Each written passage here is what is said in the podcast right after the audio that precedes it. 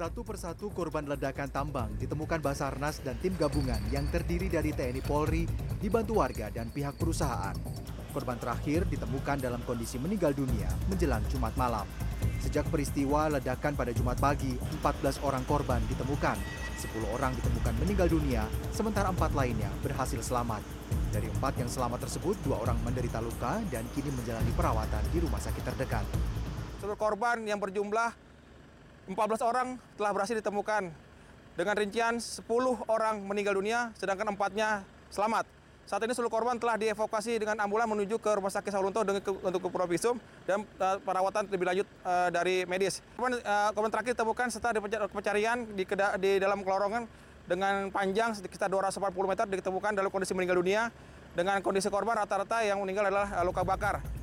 Setelah berhasil diidentifikasi, seluruh jenazah diserahkan kepada pihak keluarga untuk dimakamkan. Kapolres Sawah Lunto AKBP Purwanto Hari Subakti memimpin penyerahan tersebut di Rumah Sakit Umum Daerah RSUD Sawah Lunto. Tadi kita dibantu oleh dari pihak DVI dalam ini Bu Kabit Dokes juga sudah langsung sudah langsung standby di sini. Jadi satu persatu dari pihak DVI yang tahu teknisnya untuk uh, pencocokan daripada uh, identitas korban. Karena korban berada di dalam lubang tadi kan begitu dikeluarkan kondisinya banyak yang hangus, ada yang tertutup lumpur segala macam. Nah, sekarang tadi alhamdulillah sudah teridentifikasi, teridentifikasi semua dan sekarang kita laksanakan proses penyerahan ke keluarga korban.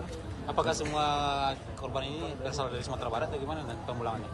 Uh, ada di Sumatera Barat dan di luar Sumatera Barat. Ada di luar uh, apa di Sawalunto, ada juga yang di luar Sawalunto. Sebelumnya, ledakan terjadi di lubang tambang yang dikelola oleh PT Nusa Alam Lestari atau PT NAL di kawasan Parambahan, Kecamatan Talawi Kota, Sawalunto, Jumat pagi. Polisi masih melakukan penyelidikan atas insiden tersebut dengan memeriksa sejumlah saksi. Ledakan di tambang milik PT NAL ini bukan yang pertama kali terjadi. Pada tahun 2016 lalu, ledakan serupa pernah terjadi yang menyebabkan lima korban. Joni Kambang, Sawalunto, Sumatera Barat.